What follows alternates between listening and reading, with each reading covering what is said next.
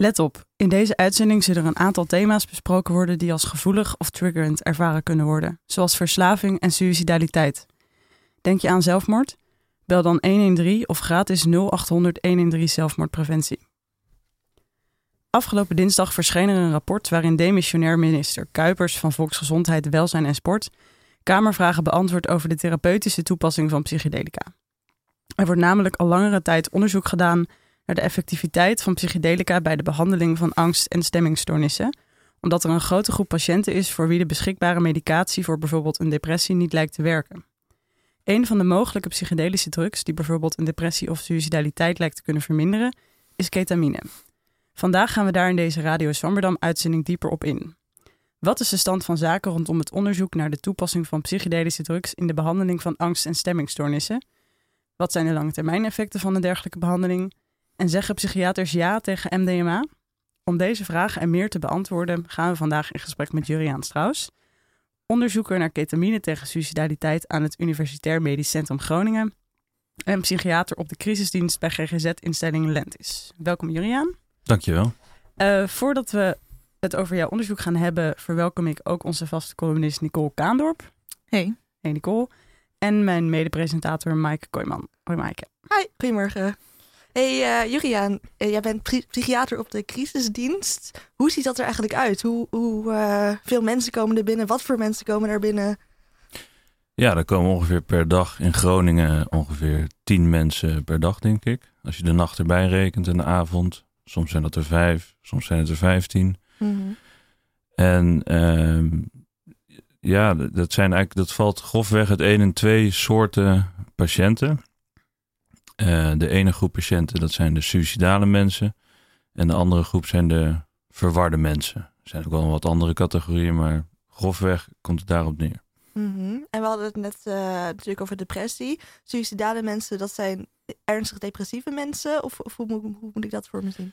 Uh, niet altijd. Dus natuurlijk zijn suicidale mensen niet gelukkig op dat moment. Hè. Ze zijn niet voor niks suicidaal. Maar uh, depressie eigenlijk niets meer dan een, uh, ja, een set aan symptomen, zoals die in de DSM, ons grote boek, uh, beschreven zijn.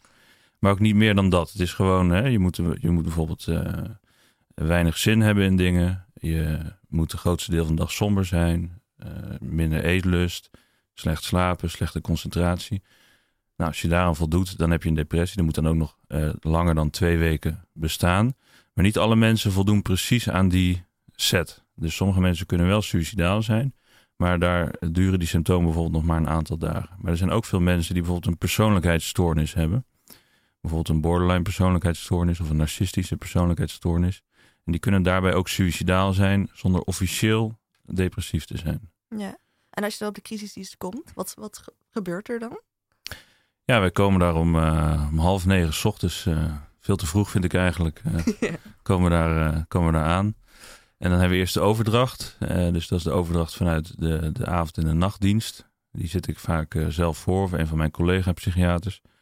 En dan worden eigenlijk, ja, de, de patiënten worden dan door de artsassistenten of de verpleegkundige specialisten die dienst hebben gehad, worden die patiënten gepresenteerd. Stellen wij er wat vragen over. nou, daarna dan worden eigenlijk de nieuwe patiënten, de nieuwe aanmeldingen en soms dus ook die mensen uit die overdracht worden dan verdeeld over, uh, over de, de medewerkers. Dus we zijn met een heel team dat bestaat uit artsen, uh, sociaal-psychiatrische verpleegkundigen en psychiaters. En dan gaan we steeds uh, met een team van drie eigenlijk.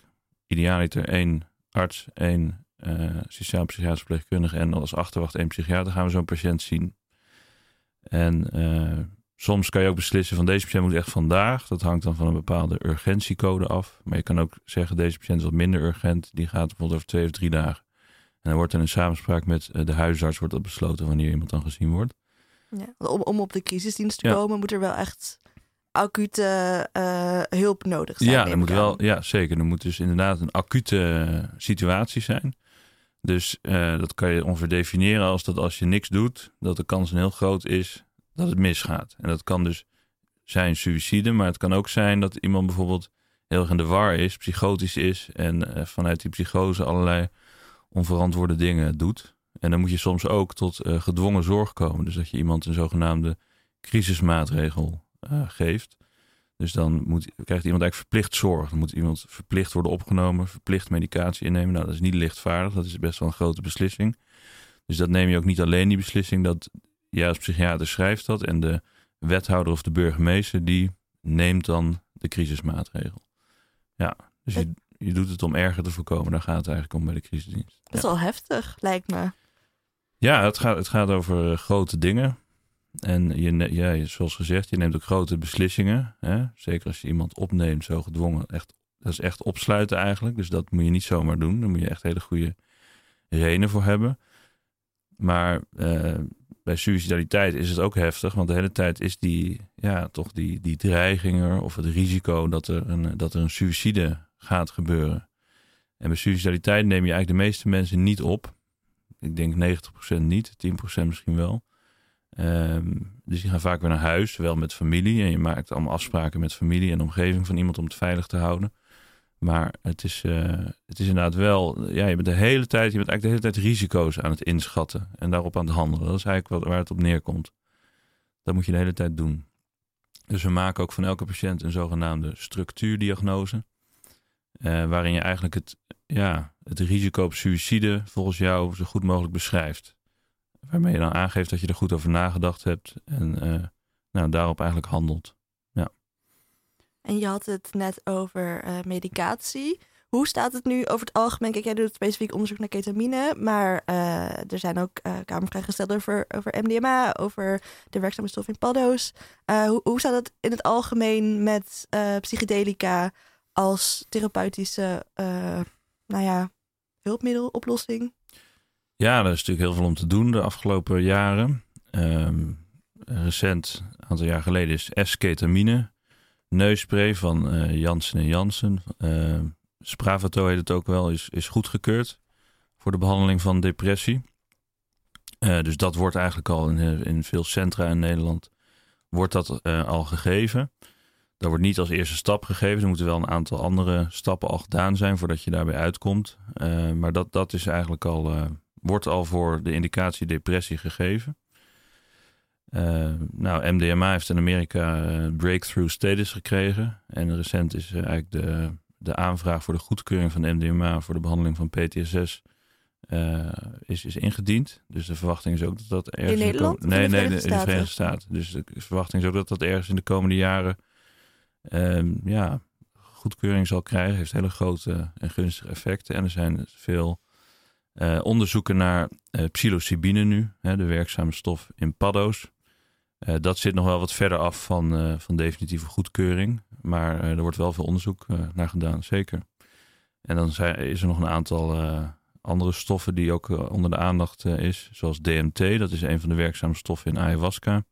Wordt onderzocht. Een variatie daarop, 5-MeO-DMT, wordt onderzocht. En in Brazilië wordt, wordt ayahuasca ook al onderzocht. En ayahuasca is een, is een, ja, een soort plantenmengsel wat dan shamanistisch gebruikt wordt in uh, bepaalde sessies. Ja. Ik vraag me af, hoe is dit, hoe is dit tot stand gekomen? Want ik heb het idee dat het best wel een recent, recent onderzoek, onderzoeken zijn.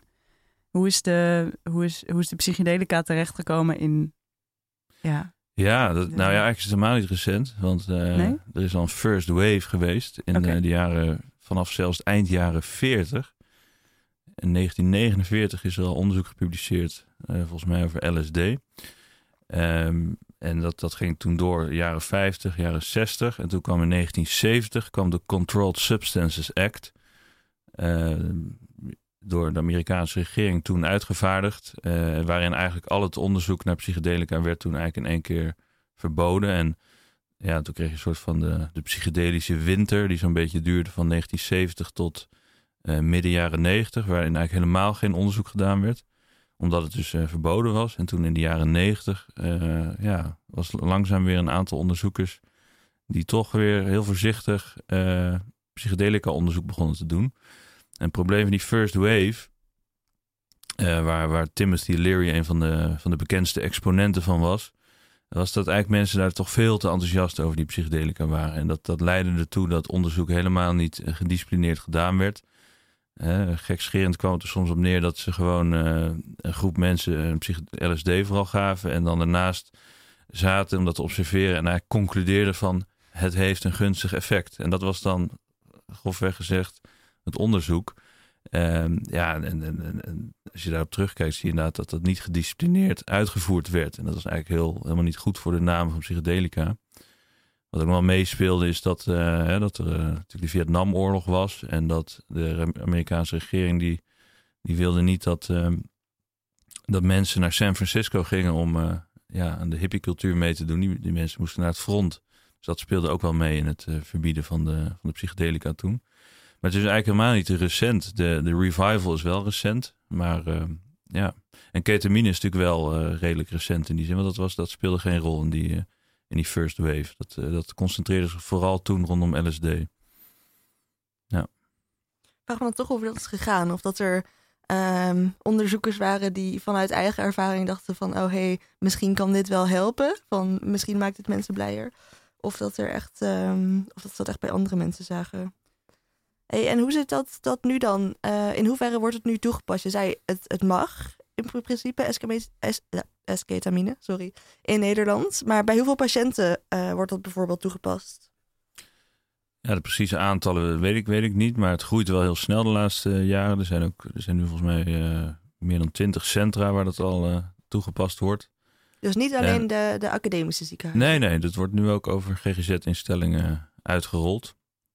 Dus dat is eigenlijk al een vrij, nou ja, nog niet normaal. Het is wel nog nieuw, maar het, eh, het begint langzaam onderdeel van het reguliere behandelprotocol uh, te worden. En je ziet dat ketamine stond toen het nog helemaal in de onderzoeksfase was, stond het helemaal eigenlijk achteraan in het uh, protocol. En nu komt het steeds iets verder naar voren. maar je doet het nog niet als eerste stap, want het is ook niet, hè, het heeft ook wel nadelen. Het is, je moet naar het ziekenhuis steeds komen. Het is twee of drie keer in de week. Dat moet allemaal onder medische supervisie gebeuren. En ketamine is ook niet. Nou ja, sommige mensen vinden dat ook niet prettig, hè, dat onder invloed zijn. Dus het is, het is niet hetzelfde als gewoon een antidepressivum nemen. Ja, Daarom wordt het niet als eerste stap gedaan. Dat, dat vraag ik me af. Wanneer wordt, in, wanneer wordt het voorgeschreven? Ja, dus als er dus een aantal antidepressiva niet gelukt zijn, dus mm -hmm zogenaamde SSRI's. Als dat dan niet uh, gelukt is, dan doe je eerst één SSRI, dan doe je een andere SSRI. Uh, soms doe je ook nog een TCA ertussen, dus dat is een wat ouderwetse antidepressivum. Kan je nog lithium toevoegen en als dat allemaal niet gelukt is, dan is ketamine wel eh, nou, aan de beurt eigenlijk. Um, ja, dus dat is, dat is voor depressie onderzoek. Hoe de, of nee, niet onderzoek, maar de toepassing daarvan. Dus dat, en je ziet dat het steeds wat meer naar voren opgeschoven is. Maar ik denk dat het nu wel even blijft staan waar het nu, nu staat. Maar um, hoe. Um, ja, oké. Okay. Gewoon even zo. Hoe werkt dat dan? Hoe ketamine werkt? Ja. Ja. Nou, ketamine werkt op het uh, glutamaat neurotransmittersysteem. Ingewikkeld woord. Ja, dat is een ingewikkeld woord. En wat eigenlijk gebeurt is doordat uh, ketamine dat uh, ja, systeem remt. Um, als gevolg daarvan, en dan sta ik, sla even een aantal stappen over, maar komt er een, uh, is de, de huidige theorie dat er een eiwit vrijkomt. Dat heet BDNF, Brain Derived Neurotrophic Factor. En dat is een, een soort groeifactor voor zenuwcellen. En je ziet ook in muizenstudies dat als je dus ketamine toedient aan, aan de ene groep en aan de andere groep een zoutoplossing, dan zie je in die ketaminegroep, als je dan die, die hersenen van die muizen gaat bekijken, zie je dat eigenlijk na, na een uur zie je al meer uitlopers van de zenuwcellen. Dus je ziet eigenlijk dat die zenuwcellen zich al meer vertakt hebben. Dus eigenlijk ketamine is op hele korte termijn in staat om uh, ja, meer hersenverbindingen eigenlijk aan te leggen. Korter de bocht gezegd zou je kunnen zeggen van soort snelle oplapbeurt van het brein. En uh, nou, in ons onderzoek, waarin we uh, onderzoeken of ketamine ook uh, helpt tegen acute suicidaliteit, dus dat is anders dan de toepassing voor depressie, dan zie je ook dat mensen soms, en dat zie je dan psychologisch terug, dat mensen dan de volgende dag soms dingen zeggen als, ja, ik, ik heb nog steeds dezelfde problemen, maar ineens zie ik weer voor me hoe ik het aan moet pakken. Of mijn hoofd is, is schoongeveegd. En dat is een soort psychologische weergave van dat die, die nieuwe hersenverbindingen er eigenlijk weer aangelegd zijn. En nu is dat eigenlijk niet zo uniek, want dat doen uh, gewone antidepressiva doen dat eigenlijk ook wel. En ECT, een zeer effectieve behandeling, elektroconvulsietherapie, waarvan mensen denken dat het niet meer gebeurt. Maar dat is dus dat mensen een, uh, ja, een elektrische shock in hun hele lichaam krijgen. Dat werkt zeer goed tegen depressie.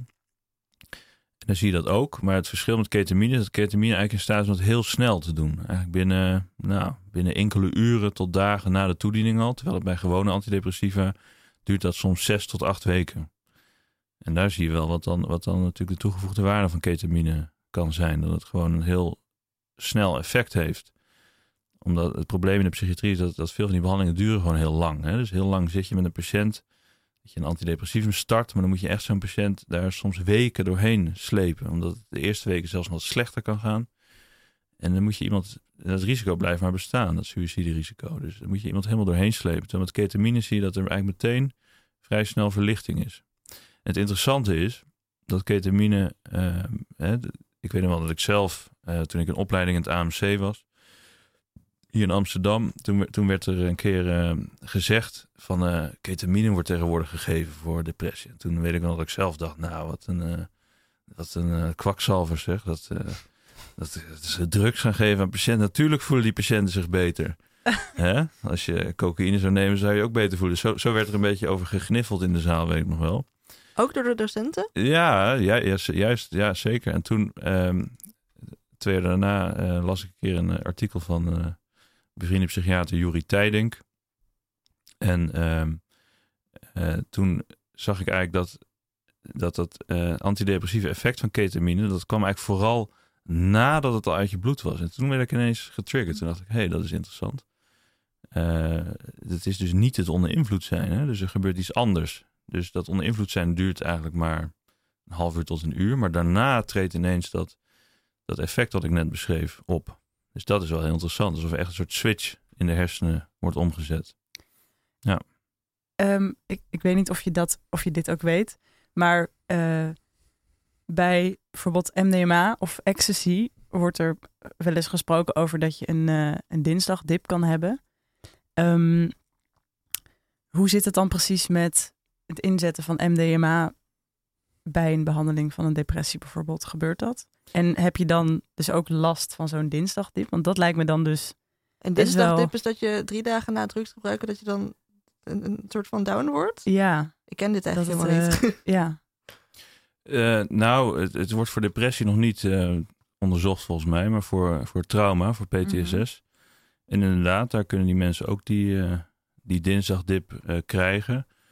Maar ja, dat wordt voor zover ik weet, uh, nu op de koop toegenomen. Um, omdat het effect tijdens, daar is het wel, bij, bij MDMA is het wel dat, dat het onder invloed zijn heel belangrijk voor het okay. effect. Omdat je dan eigenlijk veel meer empathie voor jezelf voelt. En ook voor de therapeut, waardoor de therapeutische relatie een stuk beter wordt. Mm -hmm. En um, uh, ja, dat, dat maakt dat je ineens uh, ja, tijdens zo'n sessie veel beter met een trauma kan dealen. Dat eigenlijk veel beter um, daardoorheen kan gaan. Hè? Dus MDMA is heel duidelijk onderzocht als toevoeging aan uh, psychotherapie. Dus ja. niet als stof op zichzelf. Terwijl ketamine is veel meer als stof op zichzelf onderzocht. Ja. Zonder dat daar per se psychotherapie uh, bij komt kijken. Ja. Maar op zich is het wel een goede vraag in de zin... Um, het werkt heel snel, maar is het dan ook snel weer uitgewerkt? Ketamine? Ja, ja, ja dat wel. Dus het is, je ziet wel dat... Um, hè, dat is van één gift in onze studie... Uh, die ik overigens onder leiding van Robert Schroevers doe. Dat is uh, afdelingshoofd van de psychiatrie in Groningen. En ik doe het samen met mijn uh, compagnon Gijs Roeland. Um, in onze studie zie je dat, um, dat, dat, dat ongeveer ja, een week of zo aanhoudt. Dus dat mensen een week vermindering van die suicidaliteit hebben. En dat daarna wel weer terug kan veren. Um, we hebben eerst een pilotstudie gedaan met twaalf mensen. En uh, daar wisten we dat de mensen ketamine kregen. Want dat het doel van die pilotstudie was om te kijken of de grote studie die daarop volgde, of dat eigenlijk haalbaar zou zijn. Uh, dus het ging daar niet primair om het effect. Maar daar wisten we wel dat alle mensen ketamine hebben gehad. Dus daar kunnen we, daar kunnen we echt spreken over wat het effect van de ketamine is geweest. Terwijl we nu in de dubbelblinde studie zitten. Uh, daar weten we het eigenlijk niet, want het is dubbelblind. Dus wij weten niet wat de mensen gekregen hebben. De patiënten weten het zelf ook niet. En het is om het onderzoek zo eerlijk mogelijk te laten verlopen. Hè, zodat het zogenaamde placebo gecontroleerd is. Maar in die eerste studie van 12 mensen, waar we dus wisten dat mensen ketamine kregen, daar zag je dat het uh, ongeveer een week kon aanhouden. En daarna is dus wel een spannend moment, want dan kan ineens suicidaliteit eigenlijk wel weer uh, ja, op het oude niveau terug zijn. Dus dan moet je, op dat moment moet je wel de patiënt goed in het vizier hebben. Aan de andere kant, dit wordt inderdaad vaak als nadeel van ketamine genoemd, maar ja, bij welk medicijn in de geneeskunde is dat nou niet zo? Hè? Dat je na één gift uh, het uiteindelijk weer terug naar het oude niveau uh, uh, keert. Um, maar dat maakt wel dat, dat voor de depressiebehandeling met ketamine dat het wel vaker moet. Dat het dus ja, één keer per week, de meeste protocollen zijn twee keer per week. Het is niet zo dat je in één keer er helemaal vanaf bent en dan klaar. Ja. En er wordt wel een wat ander effect bijvoorbeeld gezien bij psilocybine dat, dat duurt wat langer. Dus dat, dat is de werkzame stof in paddo's. Ja, precies.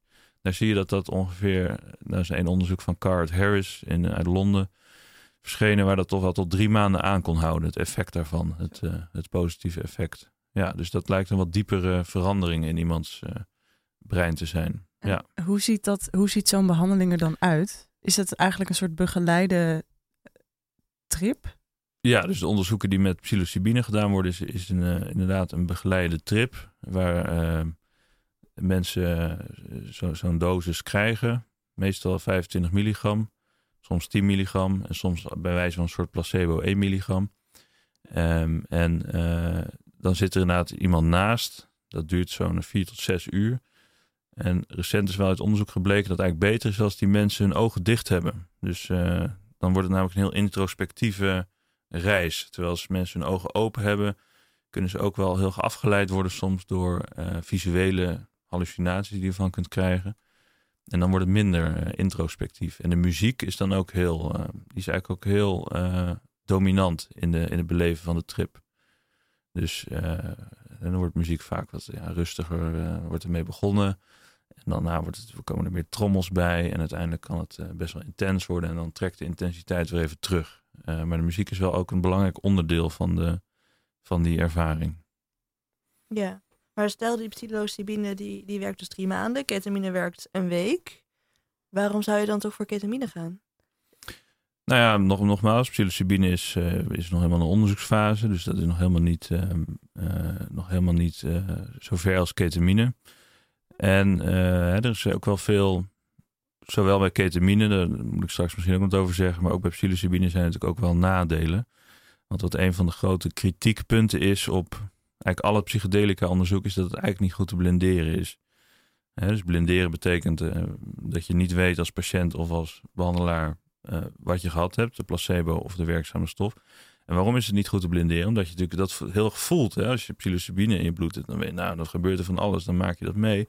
Dat kan dus wel een heel groot placebo-effect in de hand werken. Want dan kan je denken van, hé, hey, ik zit in het onderzoek en het is duidelijk dat ik de psilocybine heb gehad, of de ketamine. En dan kan je ineens dan kan er dus een placebo-effect gaan optreden. Van, uh, dat je daarom denkt dat het ook heel goed gaat werken. En dat is gewoon heel moeilijk uh, eigenlijk te doen in, in onderzoek. Omdat bijvoorbeeld een antidepressivum kan je veel beter blinderen. Als je gewoon een placebo-pil of een antidepressivum krijgt, weet je vaak niet zo goed. Of, ja, ik voel wel wat bijwerken, maar heb ik het, weet niet zeker. Terwijl bij een psychedelicum weet je dat eigenlijk wel vrij zeker. Dus het is, ja, de effect sizes die we zien, de effecten zijn heel groot en heel indrukwekkend. Maar dan moeten we wel de kanttekening bij zetten dat we die blindering niet goed kunnen doen. En dat daardoor ja, de kwaliteit van de onderzoeken niet zo optimaal is als je zou willen. Is dat, en als je dat placebo-effect hebt, dus je denkt dat je het krijgt, dus het gaat beter, of tenminste je denkt dat het mhm. beter gaat, is dat dan voldoende? Ja, dat is natuurlijk een hele ethische vraag, maar zou dat ook al een, een soort kans kunnen bieden? Zeker, en dat is hè, een heel groot deel van wat wij in de geneeskunde allemaal doen, is ook een placebo-effect. Uh, sterker nog, er is in de psychotherapie is, is eigenlijk aangetoond dat uh, het allerbelangrijkste voor het slagen van een psychotherapie is dat de behandelrelatie goed is. Dus helemaal niet welke techniek je precies doet, welke woorden je precies zegt, uh, welke inhoud het nou precies heeft. Dat, dat is allemaal minder belangrijk dan hoe goed voel ik me nou bij die therapeut. Hoeveel vertrouwen heb ik in die therapeut? En als je er dus veel vertrouwen in hebt, dan, dan gaat die ja, dan, dan is het effect groter. Dat zou je ook als een soort placebo-effect kunnen zien. Want als jij denkt, oh, ik ga nu ga ik ketamine krijgen. Daar heb ik heel veel in de media over gehoord. Dat is een fantastisch middel. En dan kan je dus inderdaad daardoor kan je denken, of, of nou ja, niet denken, het placebo-effect is iets echt, maar dat het dus beter is. Dus dat moeten we altijd in het oog houden. Dat we, en daarom is de hype die eromheen hangt ook wel, uh, hè, dat is, daar moeten we kritisch op zijn als, uh, als psychiaters. Uh, want er is wel een hype gaande en wij moeten ook soms een beetje juist op de rem trappen. Ja. En dat we ook de nadelen belichten. Ja, een van de Kamervragen vanuit de VVD-fractie kwam die, was, of nou ja, was dat de toegenomen aandacht in de media kan leiden tot een toename van niet-medisch gebruik. Um, en de fractieleden van de VVD zijn benieuwd naar, ja, hoe, wat gaat daar dan, wordt daar, hoe wordt daarmee omgegaan?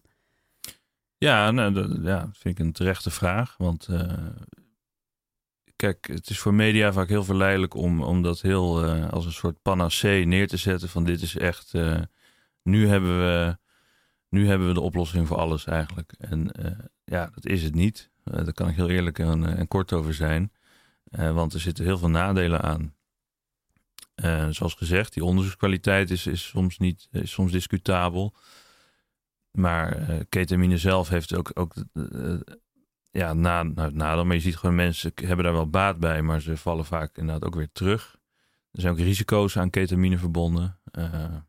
We hebben zelf een review geschreven wat eigenlijk alle literatuur op een rij zet uh, waarin je ziet dat als je ketamine misbruikt, dus dat zijn mensen die wel hele, hele hoge doseringen gebruiken, grammen per week, terwijl wij in milligrammen doseren. Maar goed, als je dat gaat doen, dan zie je echt dat uh, bijvoorbeeld de grijze stof in je hersenen afneemt, dat communicatie tussen hersendelen minder goed wordt, dat je echt hersenschade van op kan lopen. dus het is geen, geen onschuldige stof. En daar hebben wij een verantwoordelijkheid in uh, als psychiaters, als onderzoekers, om, om, om mensen ook daarop te wijzen. Dat het niet, uh, niet goed is om in de thuissituatie dat allemaal zelf te gaan nemen, ongereguleerd. Hè, bij psilocybine en ook bij LSD en eigenlijk alle klassieke psychedelica is het ook heel belangrijk dat mensen het onder medische supervisie doen. Want als je dat in je eentje gaat doen, dan kunnen er ook gevaarlijke dingen gebeuren. Omdat je echt ja, wel een hele andere wereld terecht kan komen. Dus dat is, dat is ook, uh, ook heel belangrijk om dat uh, te onderstrepen. Ja. Dus dat is, dat is absoluut niet de bedoeling van ons onderzoeksveld om mensen ertoe te zetten om allemaal zelf uh, ja, dat te gaan, therapeutisch te gaan nemen. Groot probleem is dat mensen ook dan denken van hé, hey, het werkt, dus als ik nog meer neem, werkt het nog beter. En dat is helemaal niet zo. met ketamine is dat absoluut niet zo. Er is een soort optimale dosering voor een antidepressief of mogelijk antisuicidaal effect. En als je dan meer gaat gebruiken, dan gaat het niet meer werken, maar je brengt jezelf wel in een, in een uh, risicopositie om bijvoorbeeld verslaafd te worden. Ja, ja. ja.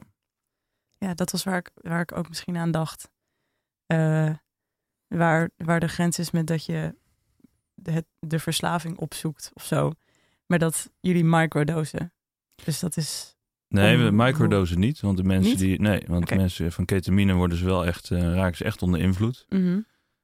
Um, hè, mensen kunnen ook wel zeggen van ja, mijn armen voelen ineens heel lang. Of ik, uh, ik bevind me op, uh, op wijde vlakten of zoiets. Hè. Dat soort dingen zeggen ze dan. Dus dan is het wel duidelijk. Nou, dan denk je, nou, die zit waarschijnlijk niet in de placebo-groep. Uh, dus mensen zijn ook echt onder invloed. Um, en daar ben je dan bij als psychiater? Ja, dus er zit meestal mijn collega Gijs Roeland zit daar dan bij. Dus de, hoe we het nu hebben opgebouwd is dat ik op de crisisdienst werk als psychiater. Dus ik identificeer de mensen die mogelijk in aanmerking komen. Ik vraag hun dan of ze interesse hebben. Vertel dan over de studie. En als ze daar dan interesse in hebben, dan tekenen ze informed consent. Hè? Dus eigenlijk het document waarmee ze zeggen: Ik uh, begrijp goed waar het over gaat en ik wil meedoen aan dit onderzoek.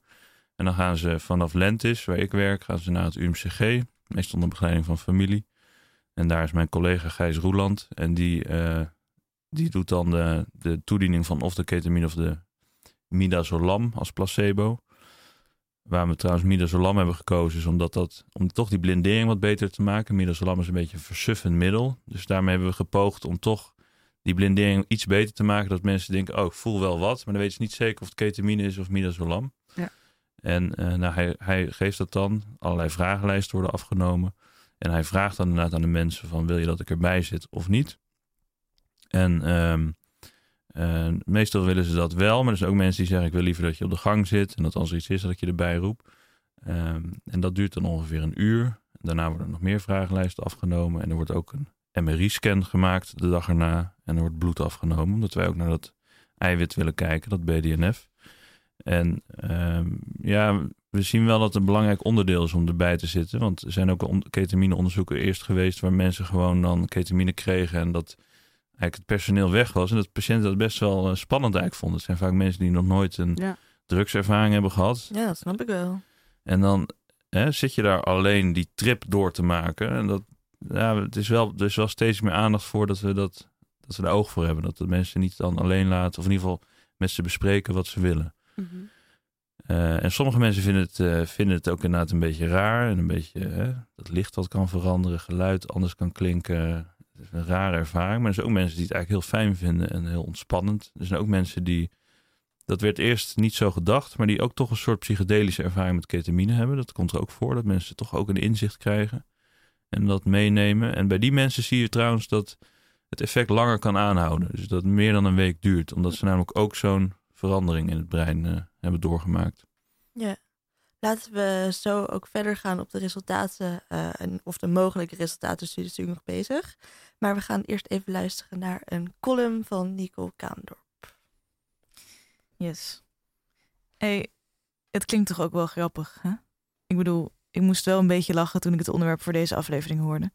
Ketamine, het paardenverdovingsmiddel waar ik al sinds mijn studietijd enge kegelverhalen over hoor, uh, maar dan als medicijn. Maar drugs zijn natuurlijk vaak medicijnen geweest en medicijnen ook drugs. Iedereen heeft waarschijnlijk al wel gehoord over heroïne, dat je dat meer dan 100 jaar geleden over de toonbank kreeg als hoestdrank. Tja, je voelt je slecht, neem wat heroïne, dan voel je je daarna beter. Amfetamine zijn ook een interessant verhaal. Ik hoorde daar laatst over in een podcast. Degene die dat in zijn lab maakte in de jaren 20 heeft het meteen op zichzelf uitgetest. In de trant van als je een brood bakt, dan proef je er ook van. En hij dacht, hey, dit doet iets. Maar wat precies en waar zou het tegen helpen? Het was in ieder geval goedkoop om te synthetiseren, dus er kon winst op worden gemaakt. En zo bestonden de medicijnen al voor er een ziekte was om te helpen op te lossen. Wat overigens niet uitzonderlijk was, schijnbaar. Er werden wat tests gedaan, het ging even de markt op als een soort anti-snotneusmiddel. En in de Tweede Wereldoorlog kregen soldaten het mee in een vrolijk gekleurd buisje om alert te kunnen blijven. Wat trouwens ook goed bleek te werken voor vrachtwagenchauffeurs in de jaren 60 op hun lange donkere snelwegen. En voor de mensen die zochten naar een manier om de tijd tussen hun feestjes en saaie kantoorbaanochtenden te overbruggen. Geef de mensen iets en ze zoeken zelf wel uit waarvoor ze het gebruiken. Het schijnt ook dat amfetamine in Amerika als een soort testpakketjes naar huisartsen werden gestuurd. Zo van, hé hey, kijk, iets nieuws. Het doet ongeveer dit. Uh, zie maar of je een patiënt hebt die er wat mee kan. En zo werd het een dieetpil en een middel tegen astma, tegen te weinig zin in seks en uiteindelijk iets om een kind met ADHD stil op een stoel mee te krijgen. Het medicijn zocht een ziekte en heeft hem gevonden. En onderweg ook een heleboel niet-ziektes en een heleboel pogingen van mensen om hun leven te leven op een iets lichtere manier, ook al werd het daar soms vaak alleen maar moeilijker van. Maar hoe zit het met ketamine? Ik heb het gegoogeld. Uh, dat is wel met een specifiek doel gemaakt. Ketamine is 61 jaar oud, oftewel jonger dan mijn oma. Uh, de meeste drugs zijn volgens mij jonger dan mijn oma. Moet je nagaan wat er in mijn leven allemaal nog kan gebeuren. Maar goed, ketamine, dat is bedacht als vervanging van PCP. En ik wist ook niet wat dat was, dus dat zocht ik ook op. Het is nu schijnbaar een recreatieve drug, maar vroeger een verdovingsmiddel met te veel bijwerkingen. Zoals agressie en hallucinaties. Best naar lijkt me. Lig je daar op de operatietafel een beetje een bad trip te hebben. Uh, dus toen kwam ketamine als veiliger alternatief. En nu is er nog veiliger alternatief en kan ketamine misschien weer iets anders oplossen. Nu het een beetje als medicijn zonder ziekte door de wereld zweeft, van feestje naar feestje en van de ene wetenschappelijke studie naar de ander. Psychedelica als medicijn tegen depressie kan ik me op zich goed voorstellen.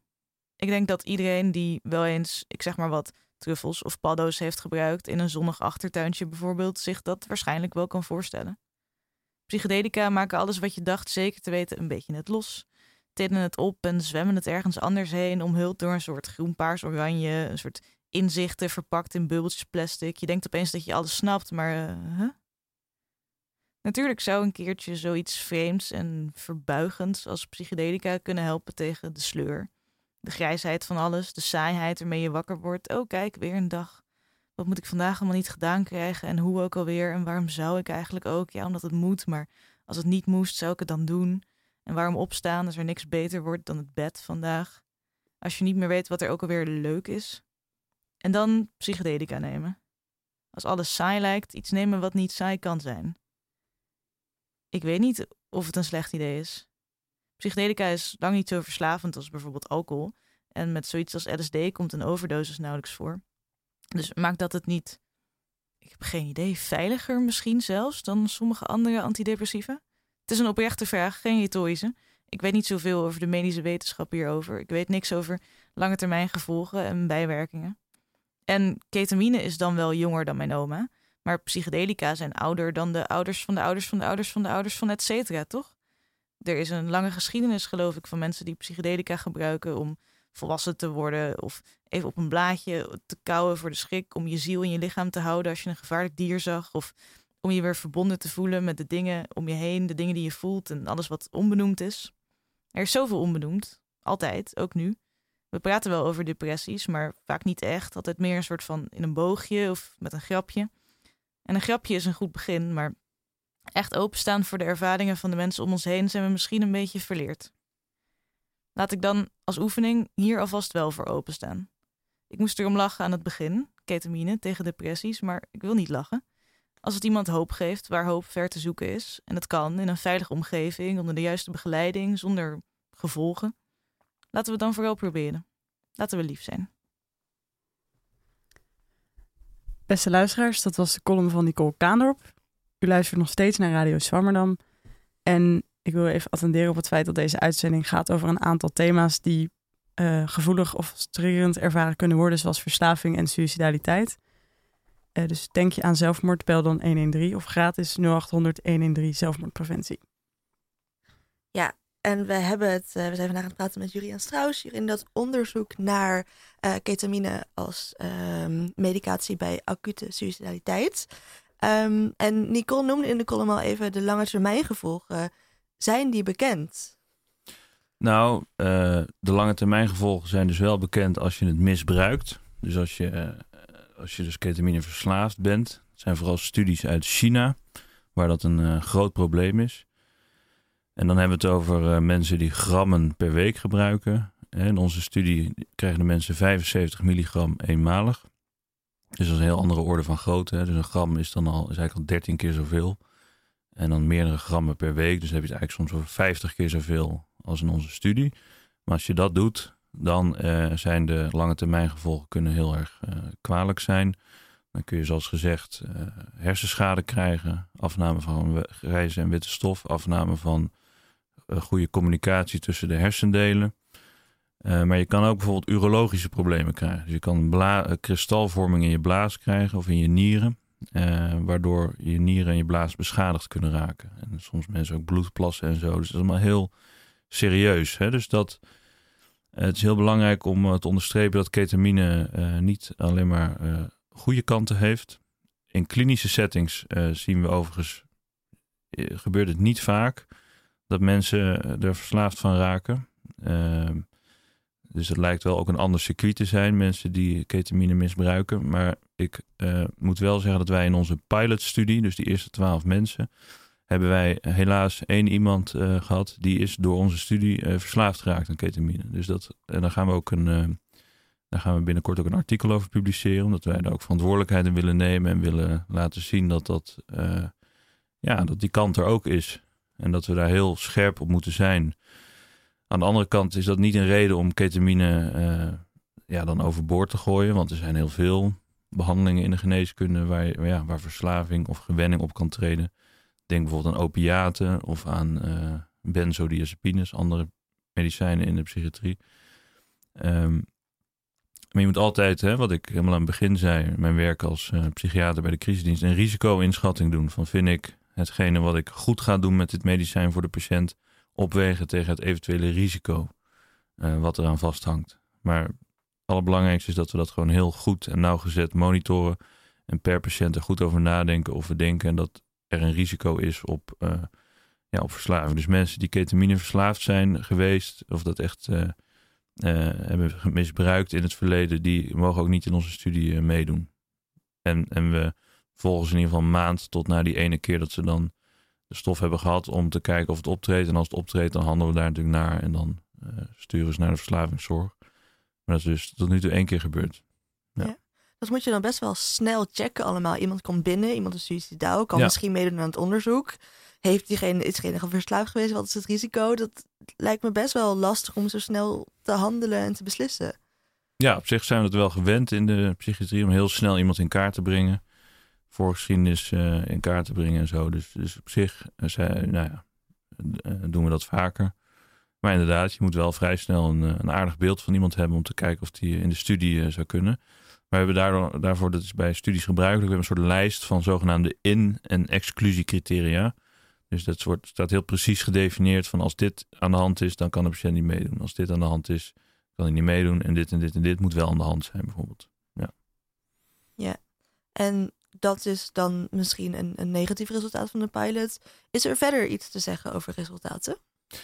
Nou ja, die pilot kunnen we wel wat over zeggen. Dat is um, wel, hè, dus dat is wel een open label onderzoek. Dus dat betekent dat het niet placebo gecontroleerd was. En daardoor is de kwaliteit van het onderzoek meteen een stuk minder. Maar de bedoeling van, het, van die pilot was ook niet om, om het effect van ketamine aan te tonen, maar om te kijken of die grote belangrijke studie uitgevoerd zou kunnen worden. Maar we zagen wel in de pilot inderdaad, zoals verwacht, een afname van de suicidaliteit. We zagen ook een afname van depressieve symptomen. Um, nou ja, dat kan door de ketamine komen. Dat zou dus ook, wat ik eerder al noemde, door een placebo-effect kunnen komen. Omdat die mensen ook wisten van ik zit in die pilot, dus ik ga echt ketamine krijgen. Uh, en dan zagen we, wel, uh, ja, zagen we wel een effect, wat we ook uh, verwacht hadden. Maar dat is niet dan een significant effect, omdat de groep ook zo klein was. Hè. Dus in die tweede, dat grote onderzoek zitten 100 mensen. En dat eerste onderzoek maar 12, zonder controlegroep. Dus voor wat het waard is, we zagen een effect. Maar dat is niet, kan je niet helemaal generaliseren meteen dat dat dus altijd zo is. En dat is een, een, een effect dat je misschien objectief ziet. Maar wat vonden de, de deelnemers er zelf van? Ja, dus die zeiden verschillende dingen. Dus um, wat we een paar keer gehoord hebben, is dat mensen zeiden van uh, ja, mijn, uh, mijn hoofd wordt schoongeveegd. De, de, de, wolken zijn weg uit mijn hoofd. En wat ook een paar keer naar voren kwam, is dat uh, mensen zeiden van ik heb nog dezelfde problemen als gisteren. Mijn leven is niet veranderd, maar ik heb nu wel de kracht om er wat aan te gaan doen. En wij denken eigenlijk dat ketamine het best gezien kan worden als een window of opportunity wat iemand krijgt. Van nou ja, een aantal dagen tot een week. En binnen die tijd moeten mensen eigenlijk iets, als het ware, iets psychotherapeutisch gaan doen. Dan moeten ze ineens aan de slag met verandering in hun leven. En als ze daarin slagen, als het dan lukt om in die week echt iets anders te gaan doen uh, dan wat ze eerder deden, dan kan het effect ook langer duren. Dus was bijvoorbeeld een, een patiënt en die wilde gewoon niet, uh, ja, die, die was dan hopeloos en die wilde niks meer met familie te maken hebben. Maar na die ketamine uh, wilde hij dat ineens wel. En dan, dan uh, kun je, ja, dan, dan daardoor komt iemand dan juist eigenlijk uit de hopeloze situatie. Dus ketamine geeft dan het setje om eigenlijk iets anders te kunnen doen. Dus uh, ja, dat zagen we. En je ziet ook wel, het, de, de, gevoeligheid verschilt heel erg. Je hebt mensen die daar eigenlijk best wel sterk op reageren, die echt fors onder invloed zijn. Maar je hebt ook mensen die, ja, die daar eigenlijk niet zo sterk op reageren. Dus de gevoeligheid wisselt, uh, wisselt wel. En ja. uh, je, je, kunt je natuurlijk nog weinig over zeggen, maar als je gevoeliger bent, als je gevoeliger lijkt te zijn, lijkt het effect dan ook groter te zijn? Misschien is daar ook wel iets, iets van bekend van andere studies? Ja, nou ja, dus uh, vroeger werd gedacht dat het effect, um, hoe groter het effect van de ketamine, hoe groter ook het antidepressieve effect was. Dus S-ketamine, wat dus goedgekeurd is nu, dat is een van de subvarianten van ketamine. Dus normale ketamine bestaat eigenlijk uit rechtsdraaiend ketamine en linksdraaiend ketamine. S-ketamine is linksdraaiend ketamine, een soort subvariant van gewone ketamine. En die werkt eigenlijk sterker. Dus mensen hebben daar, zijn er meer van onder invloed. Uh, ze hebben een ja, heftigere trip. En vroeger werd gedacht, dan is het dus ook sterker antidepressief. Maar er zijn ook studies tegenwoordig die laten zien, in dieren althans, dat die rechtsdraaiende vorm die veel minder een veel minder heftige trip oplevert, in die dieren eigenlijk een sterk antidepressief effect heeft. Dus het is niet 1, 2, 3 te zeggen als mensen dieper gaan, als je ziet dat ze echt heftig onder invloed zijn, dat dan het antidepressieve effect ook per se sterker is. Dus dat hangt niet één op één samen, zo lijkt het. En dat links en rechts draaiend? Ja, Wat, dat, eh, dat, is, dat is puur chemisch. Dat moet ik misschien even uitleggen. Dus het ene molecuul is eigenlijk een spiegeling van het andere molecuul. Zoals je handen. Hè? Je handen zijn soort van hetzelfde. Maar toch niet, want je kan ze niet over elkaar heen leggen. En zo is het ook met die moleculen. Dus dit is dan linksdraaiende ketamine en dit is rechtsdraaiende. En het lijkt heel erg op dat molecuul. En de luisteraar ziet het natuurlijk Nee, niet, maar niet voor, dus ik- linksdraaiend ik is je linkerhand ja, en rechtsdraaiend is je rechterhand. En dat gaat dan op elkaar, soort van. Ja, dus als je naar je handen kijkt, voor de luisteraars, dan zie je dat ze heel erg op elkaar lijken. Maar je, je kan ze niet echt over elkaar leggen. Dat ze hetzelfde zijn. Je kan natuurlijk wel je handen zo tegen elkaar aandoen, maar dan zijn, liggen ze niet. Dan ligt de ene met de onderkant onder en de andere met de bovenkant onder. We zitten hier allemaal Ja. met onze handen zo half op elkaar te klooien.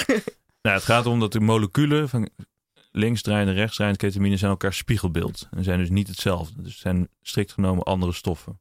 Dus dat is eigenlijk wat ik ermee eh, wilde uitleggen. En de linksdraaiende werkt heftiger dan de rechtsdraaiende, maar is niet per se meer antidepressief. Oké, interessant. Ja. En stel hè, dat er goede resultaten komen uit het onderzoek. Wat betekent dat dan? Wat betekent een on- onderzoek met 100 mensen in, in één ziekenhuis? Betekent dat dan iets voor alleen dat ziekenhuis of voor het hele land? Of Nee, hopelijk voor, voor het hele land en misschien nog wel eh, daarbuiten als we groot denken. Want eh, dit is een zogenaamd fase 2 onderzoek. Dus eh, farmaceutische onderzoeken zijn in vier fases eigenlijk opgedeeld. Fase 1, fase 2, fase 3, fase 4. Fase 1 is eigenlijk dat je voor het allereerst ga je een nieuwe stof proberen in een kleine groep mensen. Dan ga je eens kijken van zou dit een effect kunnen hebben? Vaak in eh, patiënten. Of, of nee, vaak is dat in gezonde vrijwilligers. Gewoon kijken wat voor effect een stof heeft, een nieuwe stof. Eh, dan heb je fase 2, dan ga je een iets grotere groep kijken van heeft het daadwerkelijk een effect. En een fase 3 trial, dat zijn echt grote onderzoeken met nou, honderden tot soms duizend mensen. Dat zijn de onderzoeken waarmee echt aangetoond wordt van dit is een behandeling die we, die we moeten gaan doen. Dat wordt vaak door een farmaceut gedaan. En als er dan twee of drie van dat soort onderzoeken zijn gedaan, wordt dat, zoals nu met MDMA het geval is, ingediend bij de FDA in Amerika of bij de EMA in Nederland, eh, in Europa. En eh, dan kan een behandeling echt goedgekeurd worden voor, eh, voor grootschalig gebruik. Ehm, nu is het wel zo dat ketamine heel lang in een fase heeft gezeten. Dat was een interessante fase. Dat was voordat de Spravato, de S-ketamine, goedgekeurd was. Was het lang zo dat ketamine zogenaamd off-label werd gegeven. Dus dat betekent, off-label betekent dat het niet officieel is goedgekeurd. Het is niet, eh, die grote fase 3 studies zijn dan niet gedaan. Maar we weten eigenlijk uit de fase 2 studies al wel van nou, het lijkt wel echt goed te werken. En dan kan je soms, als je alle andere redelijke alternatieven gedaan hebt, kan je dat zogenaamd off-label toch doen. Maar dan moet je als het ware wel als arts samen met de patiënt daar verantwoordelijkheid voor nemen. Dan is er niet zo'n orgaan zoals de FDA of de EMA die er verantwoordelijkheid voor neemt. Hè, maar in veel bredere zin zijn we eigenlijk eh, in Nederland nu bezig met eh, nou, allerlei eh, psychedelica in de toekomst mogelijk maken. Ehm, dat is met het signalement, hè, dat eh, onder andere door eh, mijn promotor Robert Schroevers is geschreven. Het, zie het signalement waar dan ook die Kamer Ja. vragen over gesteld heeft. En dat is eigenlijk een, een groot document waarin eigenlijk alle ja, de stand van zaken van psychedelica onderzoek uiteengezet wordt. En wat als een soort startpunt kan eh, fungeren voor welke onderzoeken we dan nu allemaal gedaan moeten worden. Ook natuurlijk in de hoop om geld te krijgen van het ministerie om dat ook te gaan doen. Ehm, en dan is er ook nog een eh, initiatief Synapse, ook eh, van Robert Schroevers dat, ehm, en anderen, dat eigenlijk laat zien dat Nederland misschien wel een hele goede plek is om al dat onderzoek te gaan doen. Omdat wij een hele, ja, hele dichte GGZ hebben. We hebben ik bedoel, een heel dicht netwerk van GGZ. We hebben heel veel instellingen, eh, veel ziekenhuizen. Dus eh, er is eigenlijk een heel groot netwerk in Nederland, wat zich heel erg daarvoor leent. Ook door de banden tussen GGZ-instellingen en de academische centra, wat je in onze eigen studie ook ziet. Ik werk bij Lentis, de studie wordt uitgevoerd bij het UMCG. Eh, dus Nederland zou een heel goede startplek kunnen zijn eh, voor veel meer onderzoek naar psychedelica. En als je het hebt over eh, geld vanuit het ministerie, ehm, dan kom je natuurlijk ook meer bij, bij de maatschappelijke context hiervan. Want misschien tonen jullie straks aan dat het inderdaad een, een goede behandeling zou zijn, maar dan moeten mensen er alsnog voor openstaan. Eh is, is, is dat iets ja. waar jullie veel mee bezighouden? Er wordt in die Kamervragen ook veel, veel gepraat over het taboe op psychedelica. Ehm, ik weet niet of wat dat voor iedereen aan de orde is. Ja, nou, je merkt wel in, in eh, van ongeveer één op de drie van de mensen die wij vragen voor het onderzoek wil meedoen. Dus twee op de drie niet, om uiteenlopende redenen. Uh, meestal is dat inderdaad wel omdat mensen toch spannend vinden en niet weten wat er dan gaat gebeuren. En hè, toch een stukje jezelf overgeven aan zo'n ervaring. Dus ja, kijk, er zullen altijd veel mensen zijn die daar dan niet zo voor openstaan. En ja, dat, dat zij dan zo. Die kunnen we moeilijk uh, dwingen om er wel aan mee te doen. Dus dat, dat, dat zal altijd zo zijn. Uh, aan de andere kant, ja, als, als het echt maatschappelijk meer geïntegreerd raakt, dan staan er misschien meer mensen ervoor open. Maar zoals ik al zei, het, het, het, denk ik, heeft een plek in de psychiatrie, maar ik denk niet dat het de hele psychiatrie gaat overnemen. Er zijn ook gewoon andere behandelingen die heel goed zijn. Psychotherapie, antidepressiva, elektroconvulsietherapie, die we gewoon moeten blijven doen. En ketamine en de andere psychedelica gaan er wel een plek in krijgen, maar gaan heus niet, uh, niet alles overnemen. En we moeten die hype een beetje, een beetje sussen af en toe ook. En ben jij het ermee eens? Kijk, er wordt nu vaak gesuggereerd dat omdat het nog niet helemaal is, is uh, of om, omdat het nog niet op grote schaal wordt voorgeschreven, dat mensen het daarom misschien recreatief gaan gebruiken. Stel dat het wel er een, een soort vast onderdeel van is van behandelingen, of in elk geval dat het, dat het altijd een mogelijkheid is. Zouden mensen het dan ook minder recreatief gaan gebruiken? Hoe zie jij dat? Nou, kijk, je hebt inderdaad mensen, er zijn mensen die, uh, omdat het, dat was vooral een aantal jaar geleden, ook met ketamine, omdat het dan niet uh, beschikbaar was, medisch gezien, dat ze het inderdaad zelf gingen zoeken, waar ik dus tegenstander van ben, omdat dan die doseringen uit de bocht kunnen vliegen en zo. Um, dus dus dat, dat speelde toen wel. Uh, ja, ik weet niet of mensen het meer of minder recreatief gaan gebruiken als het geïntegreerd wordt. Ik denk dat het recreatieve circuit ook gewoon wel iets, heel anders is dan het uh, therapeutische circuit. Ja, dat zijn ook gewoon mensen, nou, het woord ja, zegt het al. inderdaad recreatief die- met als doel Oh, om echt, ja, Om zichzelf te behandelen. ja, Oh, ik denk wel dat dat afneemt als het inderdaad e- echt, als, als duidelijk is hoe je in aanmerking kan komen voor zo'n behandeling. Het reguliere circuit denk wel dat dat afneemt, ja. ja. Maar ik denk niet dat de echte recreatieve mensen dat zal niet afnemen. want Die doen het om een hele andere reden. ja, precies. Ja. ja. Nee, maar dat is op zich ook helemaal niet de bedoeling. Nee, nee. Ja, ik denk ook dat dat ergens, het lijkt me ergens ook wel, als je dit overweegt, lijkt het me een hele logische stap dat je het in een veilige omgeving, eh, als je het kan doen, dat je dan in een veilige omgeving op die manier behandeld wordt. In plaats van dat je dat eh, heft in eigen hand neemt. Ja, Zo. dat is echt heel belangrijk. En zowel voor, voor ketamine is dat heel belangrijk, omdat die doseringen heel snel uit de bocht gaan vliegen. Ehm, en bij ketamine krijg je ook tolerantie. Dus als je het vaak neemt, dan werkt het niet meer zo goed. Moet je nog meer nemen. Maar ook bij psilocybine ehm, is het gewoon heel belangrijk dat mensen dat onder medische supervisie doen. Ook, ook met ketamine is dat belangrijk, want je bent toch heel echt onder invloed. En je bent niet, eh, ja, je, je- zeker, als- ja, je weet niet wat er gaat gebeuren. Dus je moet dat niet, als je dat unsupervised doet, dan breng je jezelf echt in een eh, risicovolle situatie. Ja.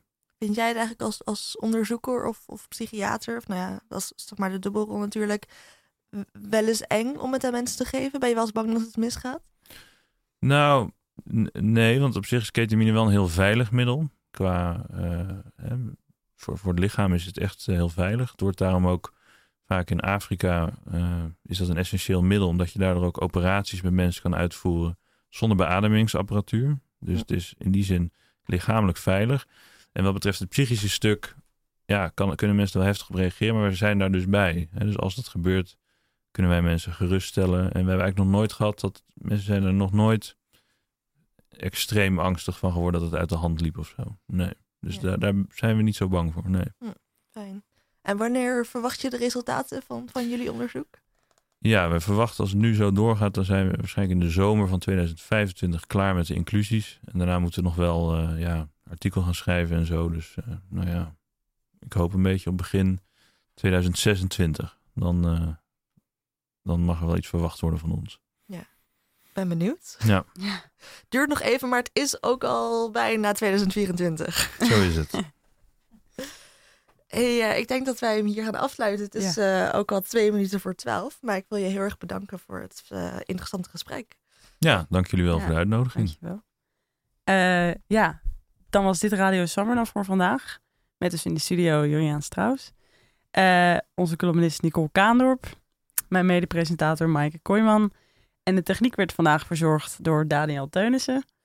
En dan zeg ik, uh, eenmaal als kapitein, tot volgende week. En een uh, fijne zondag.